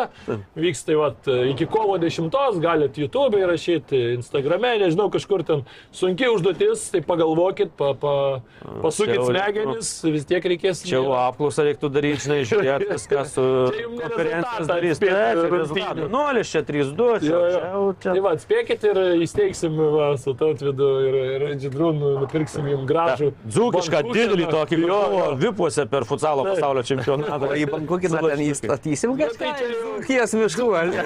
Dzūkiškos dar. Tai čia jau čia negalim reklamuoti. Jau nieko pridėti patys susras. Reikia, tai va, tai nes e, tada šiek tiek ir prie kitos temos pereikim, paskelbė futbolo federacija, kas pretenduoja tam tikras pozicijas, tai va žiūrovams nesakysim, kiek yra pretendentų ir kas pretendentai į prezidento poziciją, tai nes vis tiek turit spėti, turit patys tai pasidaryti. Tai, va, tai kandidatės į vykdomojo komiteto atstovės, viena iš jų pateks į vykdomojo komitetą, Diena Jonaitinė ir Reda Motskienė. Ir Adamatskienė, tai lyg tai dirbanti federacija, kiek suprantu, žmogus, jeigu gerai pamenu. E, Tai kad nereiktų to. Diena Jonaitinė, Reda Motskinė Šiaulių klubo direktorė. Ai, ai, ok, okay. gal tada maišau. O Diena Jonaitinė taip, federacija. Tai va, tada į asociacijoms aštuonios atstovaus, aštuonios pozicijos, tai aštu, ir į aštuonis pretenduoja Lytaus Rimas Kantaravičius, Kauno Darius Gurskis, Klaipėdos Rimas Žvingilas, e, Marijampolės Mantas Babenskas, Panežio Darius Butkus, Šiaulių Gintautas Mirauskas, Tauragės Robertas Jurkšaitis, Telšių Mindaugas Bondauskas, Utenos Dainius Širvys ir Vilnius Deividas Šemberas. Bet tai tai matom, kiek skaitau, tai beveik visi ir buvo. Tai prieš realiai Kantaravičius dabar, Ne, Žvingelas, pakeisti, Butkus, nes privalėjo. Mirauskas, Taip, tai realiai pretenduoja tie, kurie negali. Nėra tų, kurie negali pretenduoti. Taip, taip. Tai yra Tauragės e, Rūnas Pukelis, Marijampolės Žydrūnas Buzas ir e, Kauno buvęs prezidentas negali. Nu, Bet kiek girdėjau, kad ten Tauragė ir Marijampolė nuo tų minimų veikėjo nelabai ten toli ir pabėgo. Taip kažkaip gal parinksim informacijos kitose laidose, kas čia per veikėjai kandidatuoja, nes jau matėm, kad vieną jau sako, kad vat, iš tauragijas Robertas Rušais sako labai labai jau federacijos vadovai jau gyrė, sakė labai toks, na, tikrai adekvatus žmogus ir dėl futbolo besirūpinantis viską. Dažniausiai turėtų būti adekvatų žmonės. Tokius postus šiaip jau. Čia neturėtų būti kaip pliusas įvardinama. Čia turėtų būti būtinybė. Tiesiog. Yra būtinybė, o yra realybė. Čia, tai, aišku, ne, ne konkrečiai apie šį žmogų kalbam, bet taip, dauguma jau esančių vykdomo komiteto narių. Ir tik tai man čia viena intriga, aš matau, kad, na, ar pateks e, iš šitų garsiausias futbolininkas, čia kalbu ne apie Rimą Žvingilą, apie Davidą Šemberą, ar pateks į vykdomą ir ne. Mano nuomonė, kad labai sunku, o gal net Tai neįmanoma. ne? Manau, kad bus tam tikri susitarimai. Ir... Paprašiau Čia- būtų bankukė tą pralošti. Man atrodo, čia po paklodė Čia, vyksta. manau, vėl, žinai, jeigu nepateks, tai bus vėl akivaizdus įrodymas, kaip kas ir kodėl, kaip sakant. Tai, Tai čia- nes, nes e, per e, tam pusryčius su žurnalistais teko tris kartus klausti generalinio sekretoriaus, ar Šemberas surinko tas tris rekomendacijas, kur turi pasirašyti. Ir Čia ilgokai nenorėjau atsakyti, bet po to vis dėlto atsakė, kad, kad, kad taip. Pliusas, kad nėjo Davidas į rinkimus, nes jeigu būtų ėjęs, tai tikrai nebūtų išrinktas. susitarė, kad jeigu ne, nepateks į vykdomą, na, Ne, aš sakau, pliusas tiesiog, žinai, nes būtų ten ištraukę, žinai, kaip sakė prieš tai, ten mes čia su tavim kartu teisėjavom, tai sakytų, mes čia su tavim žaidėm, ten tada raudona galai, nesamoninga paveikia komanda. o tu prieš mane Romų žėjai. Jo, jo. Ištrauktų ten, žinai. Tai, va, tai va, aš kaž, kažkaip galvoju, kad na, Vilnius gali, gali sunkiai, jeigu federacija susipras na, ir tie visi aplinkui, tie konferencijos dalyviai, kad na, čia dar vienas skandalas bus, tas pats, kai buvo per praėjusią konferenciją, kai rinko Danilevičių ir kandidatavo Malžinskas, ne? tai ten kebra kilo ten dėl tų visokių ženkliukų, taip, ahne ir taip toliau, tai Pasakyk. ten buvo, nu, vokelius vežiojo ten ir tai visą tą, kai pamatė, tai gal susiprotės, kad nereikia tokių šau rodyti visuomenį, nes iškris gatį, išklausyk tu Tomo Lžinsko, nueik prabalsuoti ir taip Ir ir, ir taip baigsis ir viskas. Tai va, čia, jeigu supras, kad čia dar bus vienas skandalas ir kad tas susitarimas, e, jeigu jis toks yra, aišku, tas susitarimas, kad iškils į viešumą ir labai negražiai atrodys, gali visko būti, kad gal pakeis nuomonę, bet, bet, bet. Kandidatai vykdomo komiteto narius atstovaujantis, A lygos interesams, viena pozicija tokia yra, kandidatai Ivanas Nevoina ir Vilma Venslovaitinė. O Čia ir bus įdomi kova, Nevoina dabartinis, jis yra vykdomo komiteto narys, atstovaujantis A lygai. Tai vad, e, nežinau, kaip ten ar norės e, tas kolektyvas priimti Venslovaitinę į savo, į savo narius, nežinau, ten susitarimų, bet aš labiau čia statyčiau už Nevoiną šitoje vietoje.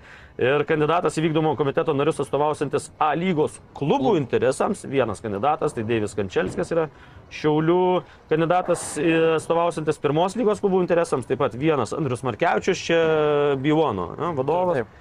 E, Atstovausiantis Lietuvos moterų futbolo asociacijos interesams e, vienintelis Artūras Vitalijus Krukis, atstovaujantis salės ir paplūdimio futbolo asociacijos interesams. Čia, va, ką jau ne vienoje laidoje sakiau, kad vienas ne tai, kad ilgametis, o labai labai ilgametis vykdomo komiteto narys, e, Butkevičius, kad nekandidatuos, bet matom, kad e, stato, na, jis buvo salės asociacijos direktorius, ten, nu, kuris tik nebuvo. E, Remigius Daugėlai, jisai yra jo įmonė ir viena iš rėmėjų e, futbolo federacijos, jie geri draugai su Edgaru Stankievičium, mačiau netgi nuotraukas, ten, kad ten buvo kažkokia krepšinio komanda Kinijoje, kažkas tai taip, klausė. nuo senų laikų jau ir nuo, nuo krepšinio ten e, kartu yra bendradarbiavę. Taip, tai- taip, taip, tai, tai, tai čia nieko, nieko naujo. Bet vėl kas nieko naujo dar ir tas turbūt, kad beveik e, nemažai kur matom, kad po vieną kandidatą tik tai yra iškelta, taip. tai vėl tokie. Kas kaip- turi teisę iškelti kandidatus, susitarė, kad tam neduodam, tam Na, taip, neduodam. taip, Aš taip. susitarė, ar kažkas liepė ir taip toliau. Nes Paskutinėje nominacijoje du. Taip, atstovausiantis Lietuvos vaikų ir jaunių ugdymo futbolo asociacijos interesams į vieną poziciją pretenduoja Dainius Gudaitis ir Ivanas Švabovičius. Na, čia Gudaitis dabartinis yra, Rūnas Pukelis niekam to neslėpia ir sako, kad tai čia jo iniciatyva buvo Gudaitis paskirtas. Tai faktas. Ir taip toliau, ten, žinau, kad nepatenkintų yra daug e, ir taip toliau. Ir, na, Daug žinau, čia tekę Vilniuje- gerų žodžių. Vilniuje apie Gudaitį, tai ko gero ne, ne, neišgirs Tai gerų žodžių. Tai, tai vat, tokia situacija, Ivanas Švabovičius, na, e, BFA akademijos vadovas. Na, BF akademija, matom, tvarkosi tikrai labai gerai ir, ir manėžus pasistato. ir taip Net toliau, tai- nežinau, kas čia geriau, bet tikrai žinau, kas blogiau. Tai, Nu, Tai, jau, va, aišku, aš reikia. neturiu balso teisės, tai susilaikysiu. Taip, taip. Na, Tai keliaujam ką, prie čempionų lygos, turbūt batalijų palikim jau e, Lietuvos futbolą. Pagaliau apie Sakant- futbolą pradėsim. Taip, apie futbolą pradėsim kalbėti. Pradėkim gal iš eilės nuo antradienio. Liverpoolis, uh, Liverpoolis prieš Madrido Realą. Viskas prasidėjo Anfieldė labai gražiai šeimininkams ir atrodė, kad uh, galbūt tas Liverpoolis tikrai jau kažkokia čia reinkarnacija bando įvykdyti ir savotiškas renesansas vyksta, bet uh, Viskas paskui pradėjo labai labai smarkiai griūti. Vinicijaus antras, pirmasis įvartis, po to žiauri Alisono klaida, tada antras. Ten abu vartininkai atvažiavo su dovanų maišais. Jo, jo, jo. Kalėdos praėjo, bet Velykos artėja, tai matyt šį kartą kaip Velykiniai zuikučiai atsivežė, bet na, tokie vartininkai, kai pamatai tokias klaidas. Matai, čia vėlgi, dabar vartininkai žaidžia visi kom, visi gerai žaidžia kom, ne? Ir tai abu, na, kurtuo dar kaip kurtuo, bet Alisonas tikrai geriau žaidžia. Ir, žinai, tada atsiranda tokia perdėta ramybė. Kai tu anksčiau vieną kartą gauni tą kamuolį į kojas, ne, tai viskas, koncentracija, bumštą kamuolį išmušė ir tiek žinių. O dabar, žiūrėk, kur to ką darė. Stabdėsi, po to pažiūrėjo aikštę, pažiūrė, kad dar čia gal pasitai, ne, neduosiu čia per vidurį to pasitaisysiu. Ir tada bumšt keliu pataikė ir ačiū viso gero. Na, tai Alisonas išmušinėjo, bet, na, Vinicis atsirado, net užsisukęs, būtų, nesis, būtų neužsisukęs, būtų nepataikęs. Tu dar jojo kažką gal bandęs dar tai va, blogiau. ta būtų. perdėta ramybė, matom, vartininkam, nu, kuo, ir pažiūrėkit, kuo toliau, tuo daug dažniau vartininkai taip klysta, nes va, vis dėlto ne. Daugiau prie juo žaidžiama. Taip, taip, vis daugiau žaidžiama ir jie, žinai, pripranti ir nėra tokios, anksčiau sakau, būdavo vartininkas gauna kaulį, tai akis ant kitos ir kad tik atsikratytų kaulį. O dabar tokie žaidėjai, kai atsitraukęs į gynėjai žaisdavo, ne, tai dabar vartininkas toks pats traukęs gynėjas, pasaugo. Tai anksčiau kaip ten ir sakydavo, jeigu techniškas gynėjas grėsmė savo vardą.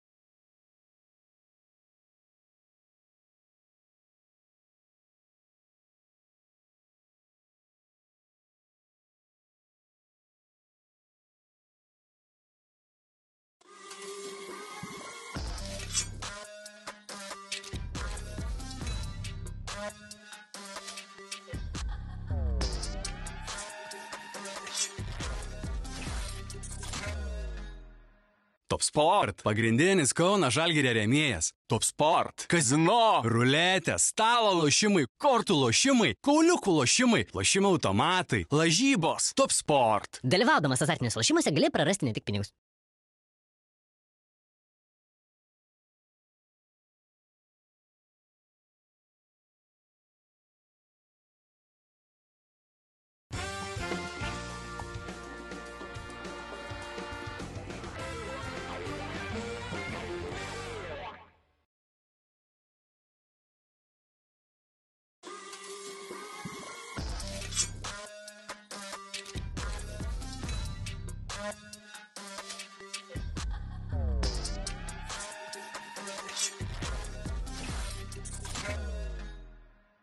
Sport - pagrindinis Kauno Žalgirio rėmėjas. Top Sport - kazino, ruletė, stalo lošimai, kortų lošimai, kauliukų lošimai, lošimų automatai, lažybos. Top Sport. Dalyvaudamas azartiniuose lošimuose gali prarasti ne tik pinigus.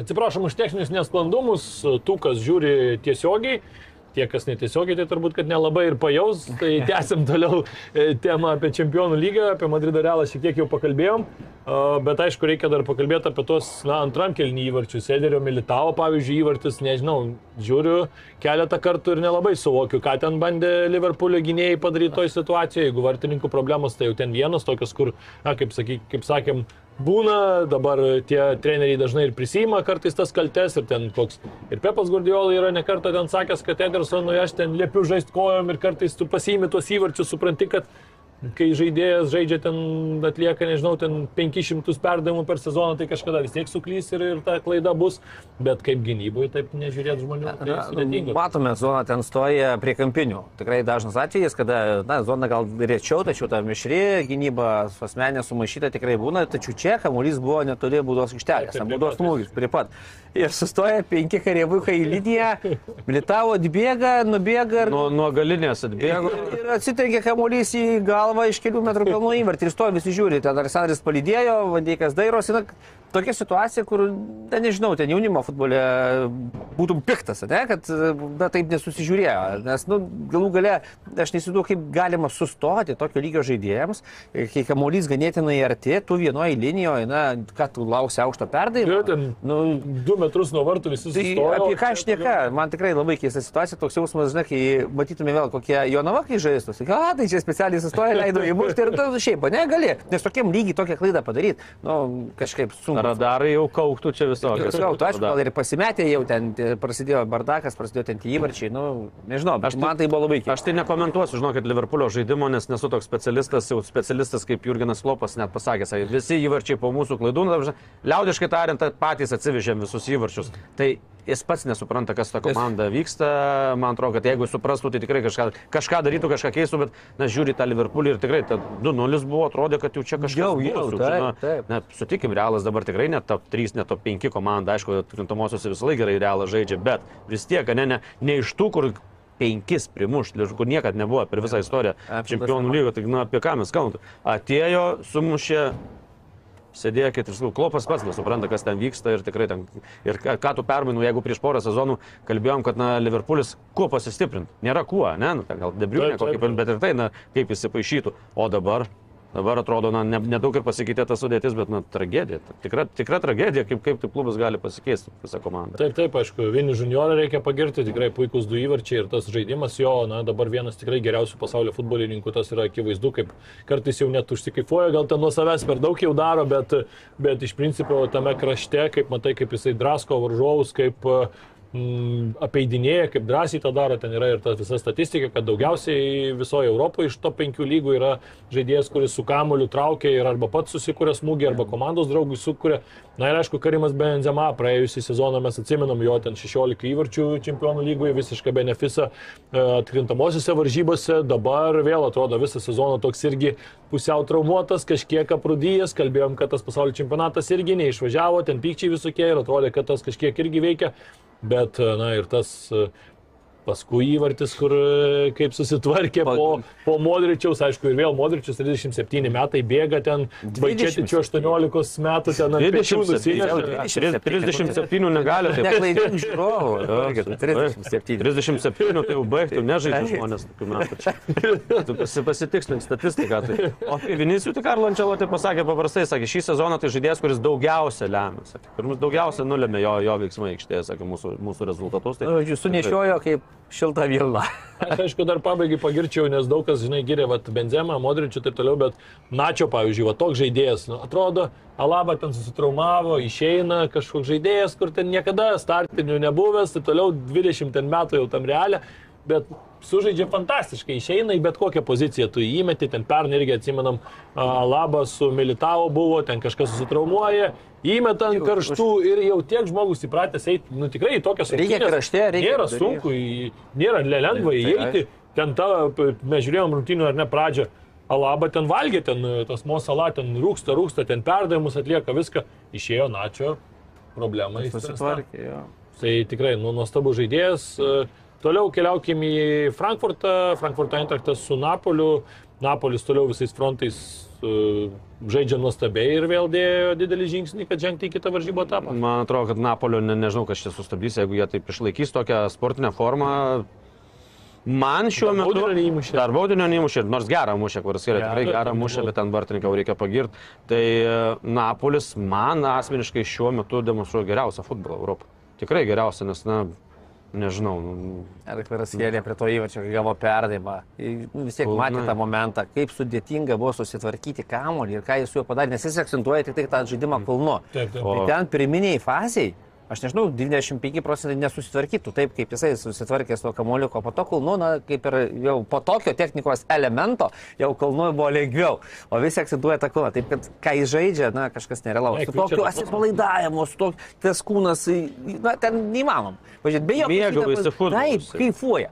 Kaifuoja, jis išėjęs į aikštę, matydamas šalia kamuolį komandos draugus, nu tikrai kosmosas. Aš pripažinsiu, jo Rusijoje nemačiau, nes Rusijos čempionatas tas iš tokių man įdomiausių, kabutėse pavadinkim, tai tikrai nemačiau, bet kai jisai grįžo į Sakartvelą ar kai susirinko į Batumio Dinamo, ten rungtynės 30 ar 50, kaip ten tūkstančių. Tai taip, nu, nesupranti, kas čia buvo, tai aš skambinu sporto žurnalistams e, Kartvelams, sakau, kas čia buvo, sakau, čia rimtai tai buvo, sako, jo, buvau rungtynėse, sako, va, ten, sako, tiesiog, kas ten, sako, norim gyvai pamatyti, sako, čia tu neįsivaizduoji, kas čia auga. Nu, va. 21, jei neklystu. Užaugo, ne? Da 22 dabar va 22, suėjo jo. prieš porą dienų. Nu, jo. tai gimtadienį nebuvau, tai už tai ne, nežinau, kad tai, Nepakvietė. tai iš tikrųjų nu, fantastiškas žaidėjas, kaž, kažkas tokio auga, kad, nu, ir pažiūrėkit dabar vienas prieš vieną, kad taip drąsiai žaistų, nu, mažai, mažai ne, gynėjai vis tiek dabar jau toks fiziškumas yra, kad, nu, tu gynėjai, ne, tas ir vienas prieš vieną, technika, mąstymas, ir sakau, svarbiausia, kad jis mėgaujasi futbolu.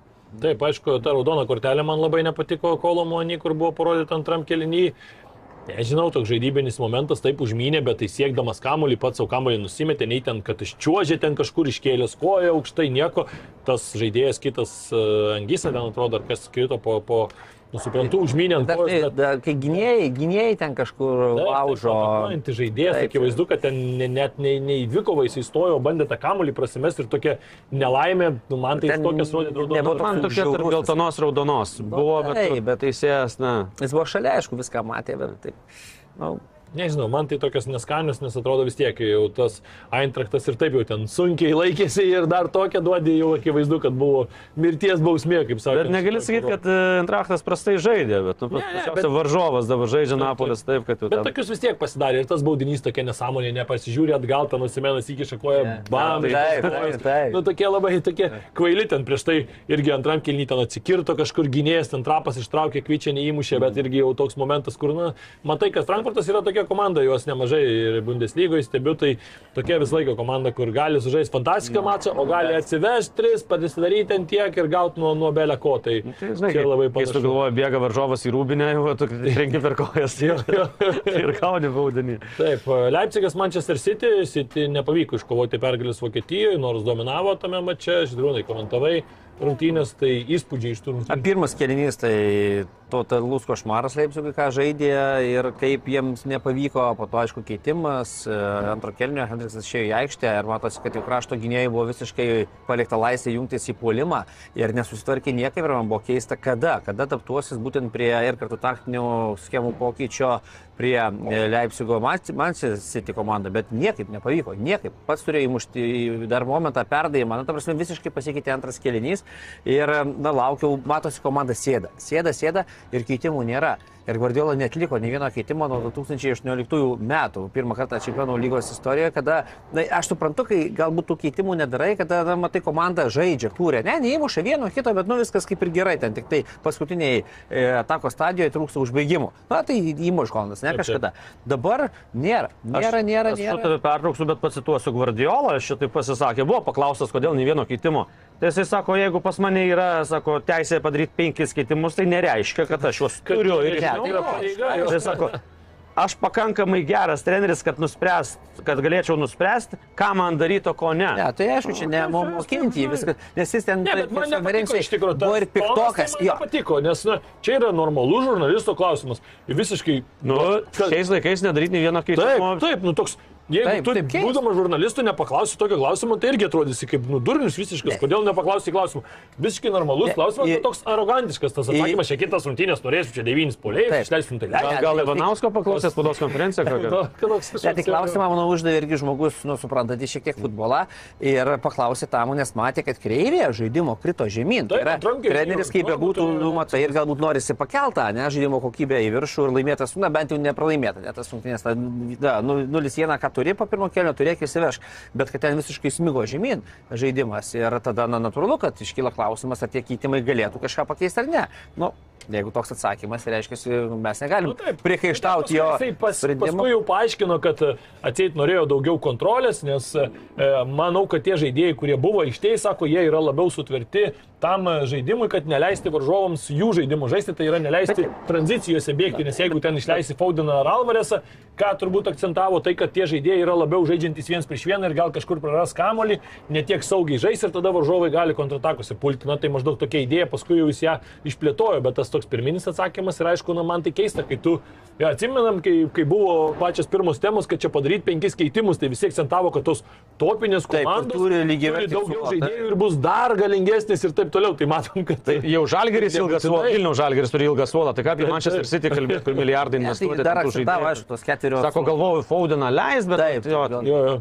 Čia keturios rungtynės per dešimt dienų, išvykos, aišku, tos išvykos yra į Londoną, kur palygino jis ten kaip į šiaurės. Keturias valandas, sakė. Ja, ne, nu, bet faktas tas, kad kažkur matosi dirglus pasidarė. Tos frazės įsprūstančios apie Gerardą, ne, ten kažkur vėl tokie, na, pasisakymai, matosi, kad šiek tiek galbūt arsenalas daro tą spaudimą visų pirma Premier lygoje, nes niekaip neina pavyti, ne, ir tapti tuo numeriu vienas čempionate. Čia vėl kelinys, pirmas tikrai, na, ne tai, kad idealus, bet fantastiškas, visiškai nulis variantų Leipzigui. Antram viskas vos neapsiviršė aukštykomis. Na tai ten turėjo porą momentų man city, bet faktas tas, kad um, tas jo pasisakymas yra toks vidinio pykčio išleimas. Man tai, man tai jokie, toks juokas paėmė, kai žiūri tas rungtynės ir galvoju, kai vaikystėje buvo, kad labai piktas stadiono prižiūrėtojas pasitaikė, liepė tik vienoje pusėje žaisti, nes žaidimas vyko pirmą kelnį vienoje pusėje, po to apsikeitė komandos vartų ir nes per pirmą kelnį žiūriu, galvoju, ką čia Leipzigas daro, ką čia iš viso galvoju, ten primuš kiek nori, ne, ne, ne tiek, kiek Leipzigas leis, bet kiek nori prieš Manchester City, po pertraukos viskas kardinaliai pasikeitė. Paskutinis mačas labai trumpai ir šoksim dar į MU Barsą. Lygiai pakankamai pora tarp Intero ir Porto ir tikrai gan atsargus toks futbolas, ypač pirmam kelnyje buvo, viskas pasikeitė antram, kai Otavijo gavo raudoną kortelę, toks irgi epizodas, aš bet labiau turbūt tą kortelę užsidirbo dėl to, kad ten labai visus, visų rungtynių metų toks skiričiojasi, daug reagavo į varžovus, į teisėją ir jau su geltona kortelė prasižengė, kur dar turbūt, kad ne visada teisėjas parodytų antrą geltoną tokiam momente, nes nebuvo kažkokia jau labai grubi ar ten labai pavojinga ataka nutraukianti pražanga, bet ištraukė ir Romeo Lukako pakeitimo pasirodęs antrame mačiai iš eilės, prieš tai ir įmušė Italijoje, įmušė įvartį 1-0, Interas turi tą persvarą šiuose rungtynėse. E, į startinę sudėtį išėjo Pepe 39, 361 e, diena buvo, tai jau va, dabar už poros dienų Pepe šves 40 metį ir jau ant sakomajame mače bus virš 40, kosmosas kažkoks, kaip pagalvojai, Kosta Kurta, pamenam, atsimenam tokį žaidėją. Varezi Maldinį 41. Gigsas yra vyriausias, beje, žaidęs e, Čempionų lygos atkrintamosiose iš aikštės žaidėjų. Vartininkų tai yra buvę ir virš 42, Gigsas 40 ir 123 dienų, tai dar Pepe reikės kitą sezoną bandyti. Kad aplink. Pažiūrėsiu dar gal vieną sezoną. Taip, taip, taip. Gali žaisti, bet matom Lukaku, kiek kritikos sulaukė. Išėjo, mušė, čoko, ir nelietuviškai tariant, damušė, ne, o, to, o Nano, pažiūrėkim, kokius ištraukė tada. Pat ir meistriškumas, tai varžovas tokių porto, matom, neiš, neišnaudojo tokių progų, kur Nano ten ant linijos jau gulėdamas traukė nuo kelių metrų, Lukaku. Pasaulyje čia matė, Lukaku neįmušė netokių, ne, o dabar svoriuko šitiek pridėjo, grįžo į kovinį svorį, prašom, vyrimas. Buvo paklaustas apie svorį, maždaug niekas čia manęs, tai niekas čia man jokių priekaištų nereiškia, žaidžiu aš savo, maždaug patilėkit. Ok, tai Manchester United Barcelona pabaigai jau visiškai visiškai laikas mūsų senka šį kartą. E, Manchester United toliau turbūt įrodinėja, kad visiškai yra kita komanda prie Eriko Tenhago, visiškai kitoks futbolas. Taip, pirmasis kelnys nebuvo labai geras ir šiaip rungtynės tokio kokybės trūko, jeigu dar kalbėjom apie pirmą mačą, kad šiek tiek irgi tos kokybės, tai dabar akivaizdžiai jautėsi, kad Barsai trūksta Pedri, Gavi, tie žaidėjai, kurie vis tiek aikštės viduryje užkūrė tą visą žaidimą, bet vis tiek, bet kokiu atveju reikia sakyti, kad na, Manchester United ką įrodinėja, tai kad tai yra komanda, kuri sugrįžta ten, kur mes ją būdavom įpratę matyti, ten, kur pastarosius dešimt metų nelabai buvo, nelabai sugebėjo kažkas ją į tas tokias e, aukštesnės pozicijas pakelti, tai atrodo, kad Erikas Tenhagas yra teisingas žmogus dabar. Kažkas iš legendinių futbolininkų dabar tiksliai nesimenu, kažkur mačiau, kad e, pasakė, sako, tai per pastaruosius 3 ar 4 metus tai geriausias Manchester United, koks, koks buvo per pastaruosius metus. Ne, veltui Seras Aleksas Fergusonas skiria laiką, ne, pas, pasidėti, pabendrauti. Jis- Ten sako, kad čia prie, žinai, prie legendos prisidės pabendrauti. Taip, tai viskas tvarkoja. Manau, kad... Tai, Sako, jei kas neklauso, aš būco paleisk, kaip aš bėgiamu į galvą. Tak, iki galo. Tai yra, buvo kažkokių problemų su Kristijanu, neliko. Taip, taip. Problemų su Rešfordu neišleido, paskui išėjo, žiūrėkim, kaip pasikeitė žaidėjas, žaidžia ten kažkas dar, bus dar su kažko problemos ten, Antony kažką ten buvo irgi pradėjęs ten, irgi sudrausmino. Tai, na, svarbiausia ta tvarka, kuri jaučiasi ir tai jau matosi, kad ne bardakas, ne tai, kad ten sporto direktorius irgi vadovauja tai klubui, tai laikinas, tai nelaikinas, na, Manchester United ne Lietuvos futbolo rinktinė ir ne federacija. Ten, kai, kai tokios nesąmonės įsivelia, matom į didelius klubus, tai net ir ten problemos atsiranda, tai ką kalbėti apie, apie mus, tai akivaizdu, kad ten Hagas dabar savo rogėse daro tą dalyką. Man dar kas krenta į akis, tai kad Lisandro Martinėsas toks, kur čia daug kas Anglijoje diskutavo, čia mažiukas, dar kažkas, bet tas jo užsivedimas, tas jo, na, toksai bandymas visą laiką pakelti savo komandos draugus, padėti už kiekvieną kovoti, tai tiesiog na, žavi. Ir tokie žaidėjai reikalingi tokiuose komandose. Matėm ir mm, Argentinos rinktinėje, ką jisai išdarinėjo, vienas iš tos tokių vedlių buvo. Na, aš apie Barsą šiek tiek noriu atkreipdėmėsi. Čiavės pasakė, kad antram kelnyje pritruko šalta kraujiškumo, bet atsit, einam teisinga linkme. Na, Ispanijos čempionate tikrai gerai žaidžia, atrodo viskas, bet iškrist, iškristi iš čempionų lygos jau po grupių varžybų, iškristi iš Europos lygos, taip, su Manchesteriu susitiko, bet na, vis tiek Barcelonai tai čia labai prastas pasirodymas. Sakykim, tai pažiūrėjau, kad per 16 rungtynių Europos taurėse Čiavio vadovavom Barcelona laimėjo tik tai keturis kartus. Iš 16 tai 4, 6 pralaimėjimai ir e, šešios lygiosios. Tai matom, kad Jo, Europos balansas. taurėse čia kažkaip nesustvarko, nesustvarko tikrai su savo komanda, nes Barcelonai toks pasirodymas yra švelniai tariant tragiškas. Taip, e, Barsa iškrito, Manchester United kitame etape jau užtraukti burtai susidurs su Sevijos Real Betisu. Tai dar viena ispaniška komanda, kuri tikrai neblogai žaidžia pastaraisiais metais Europoje. Donetsko Šaktariaus dar reikia turbūt paminėti. E, Kelionė tokia sunki buvo, nugalėjo į areną e, po baudinių serijos, ten labai įdomi ir baudinių serija, ir rungtynės tokios klostėsi, tai dar norėčiau apskritai turbūt pagirti tą pagaliau UEFA sprendimą, kad e, panaikinti tą įvarčio išvykos taisyklę ir akivaizdu, kad futbolas tampa daug gražesnis atviresnis, daugiau ir tų pratesimų, nes komandoms jau nebereikia sužaisti ten tais identiškais rezultatais ir pratesime matom ir įvarčiai krenta kartais ir į vienus ir į kitus vartus, tai na, tas futbolas tapo tikrai daug įdomesnis. E, e, Šachtarių žais Rotterdamo Feyenoordu, žais Varšuvoje, tai tikrai galima ir vat, kažkada į ateitį pasiplanuoti futbolo gerbėjams ir nuvykti, palaikyti ukrainiečius Varšuvoje, čia netaip toli, geras stadionas, gera atmosfera. Tai matom ir varžovai tikrai ir dar čia Rotterdamo Feyenoordas ne ta komanda, kurios dar ir negalima įveikti. E, Na, kaip ir sakiau, jau laida mūsų visiškai Dar apie pabaiga. konferencijų, konferencijų lygą vienas sakinys. Bazelis, kuris žaidė kartu su Žalgiriu vienoje grupėje, keliauja toliau. Trapzonsporą nugalėjo atsakomosiuose Nors labai 2-0. sunkiai jiems ten sekasi ir vietiniam fronte. Taip, visur 2-0, kitur. e, pirmas buvo laimėję 1-0, tai matom, kad na, pas Žalgirį buvo tikrai gera grupė ir Bazelis Slovanas iš karto pateko į kitą etapą, kaip pirmą vietą užėmusi grupėje komanda, o Bazelis irgi žygiuoja toliau. Pabaigai ir balta ir raudona kortelės. Vyrai tradicinės rubrikos, žiūrovai nesuprastų, jeigu nepadarytumėm, tai įdomybės ir visus kitus reikalus jau palikim, laiko šį kartą neturim. Tai aš tai baltą kortelę savo duosiu Niderlandų arbitrui Poliui Vambokeliui. Turim tą gislelę, Jo, ne, tai. tikrai, Va čia yra žmogiškumas, va čia yra, kaip mes kalbam, ta tokia teisinga teisėjų interpretacija, Taip. pajautimas. Ir dzin taisyklės, kas yra. taip, Pajutimas momento, tai papasakosim, gal ne visi žiūrovai matė. Uh, arbitras teisėjavo Ajakso rungtynėms uh, vietinėme čempionate. Polas Ambokelis, uh, gal pavardę. Mohamedas uh, Kudusas įmušė įvartį iš Ganos rinktinės futbolininkas ir atstovaujantis Ajaksui, nusimė marškinėlius, ten buvo skirta atminimo žinutė Kristijanui Atsu, kuris uh, žuvo visgi e, rastas jo buvo kūnas e, po griuvėsiais Turkijoje po žemės drebėjimo.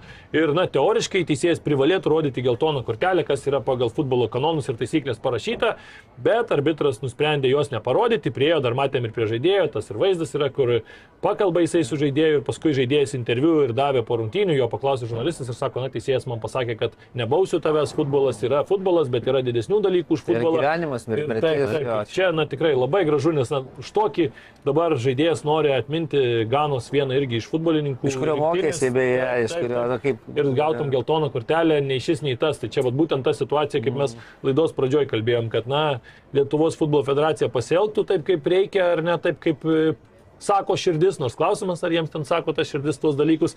Tai čia irgi kitas niuansas. Tai Lietuvos futbolo federacija jau atidavė širdį. Jau Buvo atidavė, tokia jo. reklaminė kampanija, atidavė širdį. Tai jau atidavė. Kelis kartus. Tai va, tai pasielgtų ir klaustų, ir, ir tuomet va, gal ir tie protingi sprendimai ateitų, tai čia balta kortelė šį kartą šiam arbitrui už tai. Tikrai puiku, nes, na, man atrodo, 99 procentai teisėjų būtų parodę geltoną kortelę, o čia priimti tokį sprendimą, tiek mes čia šnekam, tai štai tiesiog nemetė kažkokį įtampą, o ten teisėjų tokios rungtynės, Taip, taip. Viską, priimti taip greitai sprendimą, tai tikrai... Bet ir nemanau, hobis. kad vat, inspektorius va, šitoje situacijoje vėl parodai, neparodai, parodai, kaip sakant, tą principą kažkokį ir klausimas, ar ten inspektorius kažkaip blogai atsilieps, ar e, mes matom, kad šis įvykis bus tik įdomu sužinoti iš UEFA, ar bus kažkokių sprendimų priimti ar ne, bet manau, kad nu, jau irgi žmonės, gal dar jie netidavė širdies, tai gal priims teisingus sprendimus. Aš baltą kortelę duosiu Ankeliui Dimarijai, kuris, na, hetrikų pasižymėjo rungtynės. Su įvartį Nantu. mušė vieną ten tą pirmą. Ir tai kalbėjom čia apie, kaip ten, senukams nėra vietos futbole, o čia pasirodo yra.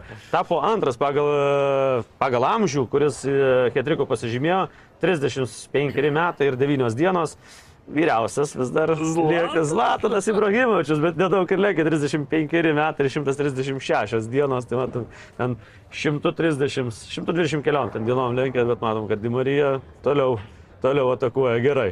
Aš savo raudoną kortelę tai LFF duosiu, jau senokai nebuvo duota. Kad nepriprastų prie gero už ką, gyvenimo. kad prie gero gyvenimo nepriprastų, tai va, už tai, kad na, reikia parodyti principus, tai jeigu parodysit, tai panaikinsim raudoną kortelę ir tada duosim baltą, nuspalvinsim tą gražią spalvą, bet dabar tai manau, kad reikia parodyti arba principus, arba tada bent jau komunikuoti, daryti sprendimus, su vyriausybė tą pačią kalbėtis daugiau, jeigu nesusikalba, tai dar kalbėkitės, nes, na, viskas dėl kilnaus ir svarbaus tikslo. Aš raudoną kortelę duosiu Turino Juventusui, dar vienas skandalas, aš dabar gausiu Juventus ir, ir balta ir raudoną kortelės. Le Republika praneša, kad prokuratūroje na, jau surinkti visi duomenys, kad Juventusas dar vieną machinaciją išnarpliojo su Atalanta ir Udineze buvo susitarimai, kad neviršyti ant tų pinigų perimų, tai ateidavo žaidėjas, šiandien ilga istorija, daug pavyzdžių prašyta, bet Už tą patį ateidavo, realiai gavo, bet dar. Ateidavo žaidėjai, po to juos ale parduodavo į kitą klubą, tada žiūrėk, ten iš to klubo ateidavo pinigai ten agentui, tėvui. Schemos geros. Vienas žodžius, schemos voratinkliai pridaryti, tai bet matom, kad, na, kuo skiriasi Italijos policija, karabinieriai, ne, kur, na, pri- pripratę kovoti su mafija, su Kozanostra, tai jie įmasi veiksmų ir tas pasiventus gavo minus 15, dabar jau kalbama, kad dar minus 20 taškų gali gauti. Net tokias schemas išnarplioja. Taip, ten, ten, kai dviračių buvo dopingas paplitęs, ten vartodavo vietoj vandens eritropoetiną, tai karabinieriai per Giro d'Italia padaryto, padarydavo, uždarydavo viešbutį kratą, padaro iš krato visus ir, ir Dario Frygo tada priverstas prisipažinti, kad pas mane eritropoetino yra. To nepadaro Anglai su Manchester City, ne, ir visais kitais klubais, ar ten Paryžius, San Germainas, kur niekaip nesvarko tų finansų. Tai matysim. Gal, Italai. Gal. Nu tai ką, jau da- davė, davė būdas Manchester City dviem metam, nuėjome sporto arbitražas, gražino, tai va, nemoka rinkti. Baudas duos ir Nageris, man turbūt futbolo federacija, Vokietijos futbolo federacija, ne mūsų, aišku, už tą įsiveržimą į teisėjų kambariuką, už ten keiksmažodžius, ten supratau, buvo pasiruošęs ir ne tai, kad voštelt per ausį, bet faktas tas, kad jau buvo stramdės, aišku, buvo tos raudonos Taip, taip, jau taip, ta emocija iš dalies suprantama, bet rungtynės baigėsi. Ten jau tais kumščiais mojuoti nereikia, ar ten neįžydinėti teisėjų jau jų kambariukė, nes, na, ką tai duos, nieko. Ten dar tik galbūt labiau nuteisi, nu, nuteiksi teisėjus prieš save, ne, tą visą teisėjų gildiją, bet faktas tas, kad e, na, neišlaikė nervai ir dabar matant tą Bundeslygos visą lentelę, na, iš dalies gal pateisino. Jau jei jie į Rūbinę telkis turi. Taip, taip, ar taip ar taip, Kaip Igoris Pankratėvas, jei į Rūbinę, tai jau duok į straulį. Gerai, vyrai, jau matau, čia ant jūs traukia ant jų smurto, tai laidai ir baigiam. Ačiū, sakai, savaitgalis prasideda. Ačiū, kad žiūrėjot uh, gražaus futbolo, kurio tikrai daug šį savaitgalį ir įdomaus. Tai visą kitą aptarsim, visą tai ir visus kitus dalykus aptarsim jau kitoje laidoje. Ačiū, kad žiūrėjote ir iki. Ačiū geriausio. visiems.